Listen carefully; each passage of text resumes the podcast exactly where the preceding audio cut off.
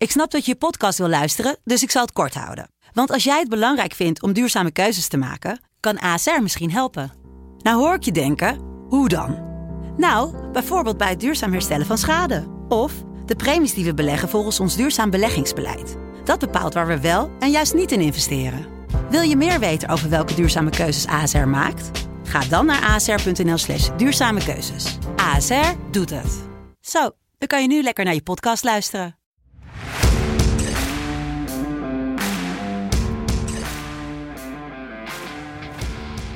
Donderdag 5 augustus 2021, aflevering 2 van FC Betting. Met vandaag twee wedstrijden. We gaan kijken naar Feyenoord die op bezoek gaat bij Luzern. En Vitesse die krijgt Dundalk op bezoek.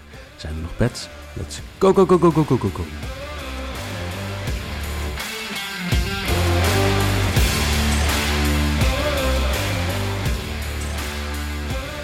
Twee wedstrijden vandaag natuurlijk. Zoals gezegd, en dat doe ik niet alleen, dat doe ik natuurlijk met Jelle Kool. Jelle, goedemorgen. Ja, goedemorgen. Ehm, nou ja, verrassend. Een beetje zoals van ouds. Ik mocht weer naar Ajax, dus eh, ik heb mijn stem daar, uh, daar achtergelaten.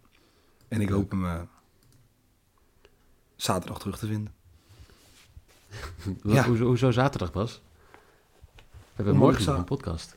Dat is waar, maar omdat ik zaterdag weer in het stadion ben, dus zaterdag zal die waarschijnlijk ergens in, in vak 413 zal mijn stem liggen. Denk ik nog. Uh, vandaag twee wedstrijden Feyenoord-Vitesse. Morgen natuurlijk de vier wedstrijden van de KKD die we gaan bespreken. En zaterdag hebben we de Community Shield. Roda JC die op bezoek gaat bij de Graafschap. En natuurlijk de Johan Cruijffschaal. Zeker. Dat is het idee, toch?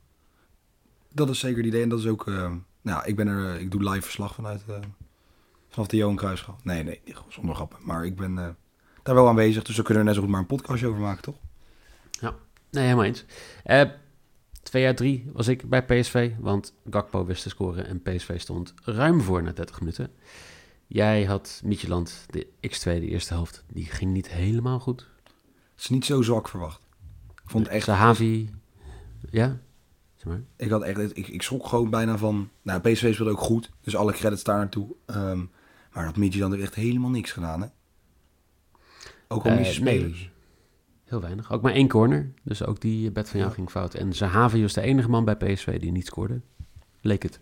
Eén op één en dan schiet je een bal naast. Nou ja, oké, okay, prima. Ja. Um, nou, uh, valse start voor jou voor seizoen 5. Maar vandaag weer twee wedstrijden. We beginnen bij Vitesse. Die FC, of nee, Dundalk FC is het volgens mij, ja, op bezoek krijgt. Ja. Uh, eerste optreden van Vitesse in deze Conference League. Dundalk die won met 5-0 van Newtown in de tweede ronde. En uh, tegen Tallinn wonnen ze eigenlijk best nipt. Van 2-2 gelijk in de heenwedstrijd. En 2-1 gewonnen, een beetje laatste minuut overwinning voor Dundalk.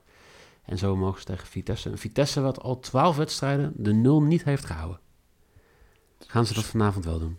12 wedstrijden is wel veel ook hoor. Ook in de voorbereiding, dat, de voorbereiding telt gewoon mee ook daarin. Ja, ja, voorbereiding, einde van een uh, voorseizoen.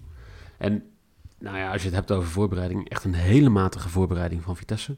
Want ze hebben verloren van AEK, ze hebben verloren van Zagreb, ze verloren zelfs van Lommel United. Die op hun beurt won van volgens mij MVV, Roda en nog uh, een uh, Nederlandse ploeg. Ja, um, wat denk je? Heeft, ja, uh, ik weet, weet je, met voorbereiding is het wel, het zegt niks. We hebben natuurlijk vorig jaar bij Heerenveen gehad, die verloren negen wedstrijden in de voorbereiding. En die stond ineens vijfde na tien wedstrijden. Zeg maar dus het is, dat is wel natuurlijk wel een beetje, beetje alleen. Ik weet niet, het is altijd zo gek. Ik heb het idee met dit soort ploegen. Die hebben het dan vorig seizoen goed gedaan, Dundalk. En dit jaar staan ze zevende. Wow, vorig jaar ook niet heel goed gedaan. Nou, Derde komt, in de competitie. Komt, ja, maar je komt dan niet voor niets hier, zeg maar.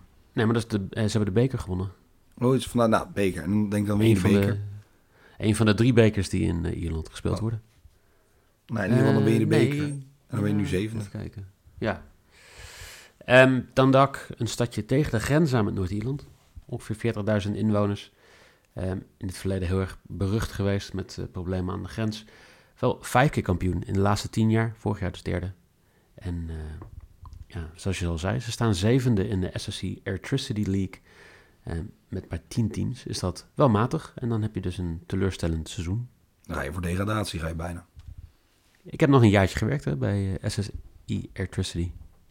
In Sandyford in Dublin. Ja. Doe maar. Ja, dus uh, ja, leuke, leuke link. Heb, heeft niemand wat aan behalve ik, maar uh, ik denk ik Nou, ik vind het ook heel leuk. Als het jou helpt. dat vind ik ook leuk. Nee, maar weet je wat het is met dit soort ploegen? En je leest het overal, weet je. Je kan weinig zeggen over het spel van Dundalk, want je ziet ze niet dagelijks spelen. Vitesse heeft meer kwaliteit, maar deze gasten die zijn overal... zijn ze waarschijnlijk of expres net te laat, of ruim op tijd. Die gooien alles op de fysiek. En dat is wel gewoon lastig voetballen. Zeker als je niet al heel lekker erin zit, denk ik. Als Vitesse nu is. Dan moet je het gewoon doen. Want je kan, niet, je kan het niet aan laten komen op de tweede helft. Of over om... Deze gasten zullen gewoon 90 minuten lang volle bak gaan. Nou ja, je moet ervan uitgaan dat... Um, Dan Dark heeft een, denk ik, een begroting van 1 miljoen, 1,5 miljoen. Als jij de groepsfase van de Conference League haalt, dan krijg je daar denk ik 2 miljoen bij. Um, ze hebben natuurlijk wel nog wel wat geld gepakt afgelopen paar jaar met Europese wedstrijden. En ze hebben ook uh, Champions League voorbereiding, daar ben ik nog bij geweest tegen Partizan. Hebben ze in de derde ronde en zo wel uh, wat goede dingen gedaan. Maar dan Dak, dit is de wedstrijd voor hun. Als zij dit gewoon winnen, dan hebben zij zo'n boost aan het budget... dat ze ook weer gewoon mee kunnen doen aan de top van de, van de eerste competitie. Ja. De rest maakt niet heel veel uit, hè, want uh, nou ja, het gat naar de, de, de rest is te groot. Dus ik denk dat zij dan ook alles gewoon gooien op die twee wedstrijden tegen Vitesse. Ja, en dat maakt het een gevaarlijke ploeg, denk ik. En ik denk dat je daardoor misschien... Ja, dit, is, dit is typisch zo'n Dundalk, is gewoon typisch een ploeg... waar Nederlandse ploegen altijd van verliezen. Kwalitatief beter, maar of het nou in, uh, in Kazachstan misgaat... of nu dan tegen een ploeg uit Ierland... Ja, ik, ben toch, ik denk toch dat, dat daar ook wel angst voor heerst, denk ik, bij Vitesse. En toch ga ik dan, dan ga ik gelijk mijn bedje weggeven. Um, Vinnie Perth, dat is de, de trainer van Dundalk. Een grappig verhaal trouwens, want uh, Perth is twee jaar geleden ontslagen. Toen ze de Champions League uitgedonderd werden. En uh, uh, hij is een jaartje later is hij weer coach geworden, is hij weer trainer geworden. Hij loopt al een hele lange tijd daar rond. Heeft gezegd dat hij het een hele mooie ervaring vindt voor de spelers. Om in Gelderland te kunnen spelen, om ook in de eredivisie uh, tegen een team uit de Eredivisie uit te komen. En dat die jongens hiervan moeten leren. En dat die Ierse bond en dat de Ierse clubs moeten leren hoe wij hier opleidingen doen, hoe onze stadia eruit zien en hoe dat ook helpt om spelers het beste uit zichzelf te halen. Dus ik, ik reken, reken er absoluut op dat, dat hij iedereen gewoon scherp heeft gesteld in die, in die kleedkamer.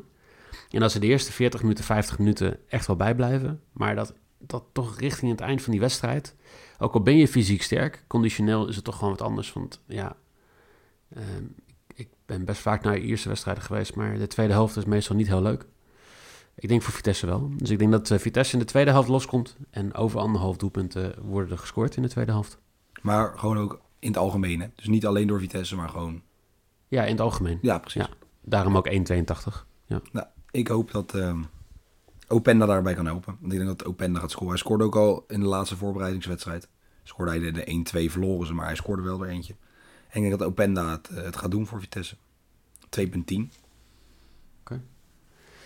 Um, mooi. Dan hebben we de eerste wedstrijd gehad. Op papier dus een, een best wel een walk over Vitesse. Maar we gaan zien wat er gebeurt.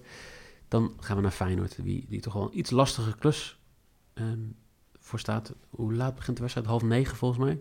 Ja, volgens mij ook. En ja. uh, daar is, uh, er wordt gespeeld in de Swisspoor Arena in Luzern. Alejandro Hernandez is de scheidsrechter uit Spanje. Oh. En, uh, Feyenoord, is het een bekende die, of is het gewoon iemand die... Nee, niet echt eigenlijk. Het is niet iemand die in mijn, op mijn zwarte lijst voorkomt. Nee, precies. Maar ook een keer fijn dat je geen, geen scheidsrechter hebt die dat is. Luzern, best wel een valse start van de competitie. Eén wedstrijd gelijk gespeeld en één wedstrijd verloren... waardoor ze best wel ja, onderaan staan in de Zwitserse Super League. Super... Hoe heet het hier? Ja, Swiss Super League. Ja, SSL. Uh, Feyenoord die speelde natuurlijk een dramatische tweeluik te tegen Drita. Uh, moet, uh, moeten we het daar nog over hebben? Nee, ik denk dat het beste is dat we dat gewoon niet doen. En ik denk dat iedereen wel weet wat er over gezegd kan worden. En er zijn genoeg dingen over gezegd, maar ik denk dat het beste gewoon voor Feyenoord ook is. Zelf, dat is Feyenoord supporters, om het gewoon niet meer over te hebben. Nou ja, door, Slot door, zei, dat is prima. Slot die zei van journalisten die luisteren, of die kijken vooral naar dingen die fout gaan. En uh, dat, dat, dat waren er genoeg, maar toch haal ik positieve punten hieruit. Ik denk dat dat op zich wel zou, zou kunnen kloppen. Wij zeiden dinsdag in de uitzending al... ehm, ik denk dat Feyenoord tegen zichzelf speelt. Ja. Eh, tegen Luzern ook. Maar toch wel iets, iets... Ja, je zit wel iets meer tegenstand aan. Dit is wel, dit is wel gewoon een hoger niveau, dit, dan Drita. Maar, maar nog steeds, Feyenoord moet er gewoon kunnen winnen uit een, van een middenmotor in de Zwitserse competitie. Ja, eens. Maar als het dan niet lekker loopt, dan kom je dit soort ploegen. Luzern zijn gewoon, dat zijn ongelooflijk nare ploegen. Dat zijn altijd, maakt niet uit. Hetzelfde als het voor een Wolfsberger. Weet je, je, bent, je weet dat je tien keer beter bent. Maar voor dat soort mensen valt hij altijd, hij valt altijd goed. Eh, bij Luzern, best wel grappig, daar zit een cultheld. Laatste keer dat Feyenoord een officiële wedstrijd speelde tegen Luzern was in 1992, 1993, dat seizoen. Waar Luzern de heenwedstrijd won en Feyenoord in de return veel te sterk was. Onder ja, hevige support van fans. Maar de, de cultheld van Luzern is René van Eck. René van Eck die speelde daar 240 wedstrijden. Die eh, vond het prachtig om, om tegen Feyenoord te spelen in die tijd ook. Maar hij is ook de trainer die Lutzer naar de eh, Swiss Super League heeft geloodst. En daarna is hij naar Inter Turku gegaan, naar uh, Jena. Hij heeft nog bij De Bos volgens mij een jaartje gezeten, vijf jaar geleden. En Alemannia Agen. En hij is nu assistent bij Zurich. Een prachtige club de- zijn het ook, zeg. Nou ja, echt wel. Ja, het is wel een lijstje eh, clubjes waar je zeg maar, wel alleen maar terechtkomt als je met een harde kern om kan gaan, zeg maar. Ja, zeker. Maar dat is wel, het zijn wel allemaal, allemaal, nou, ik weet niet, Den Bos weet ik de harde kern niet zo goed van. Maar ah, echt lekker. Ik vind het lekkere ploegjes. Echt een lekkere, dat je daar ook dan binnenkomt. Doe je het niet voor het geld ook, gewoon denk ik voor het spelletje dan, denk ik.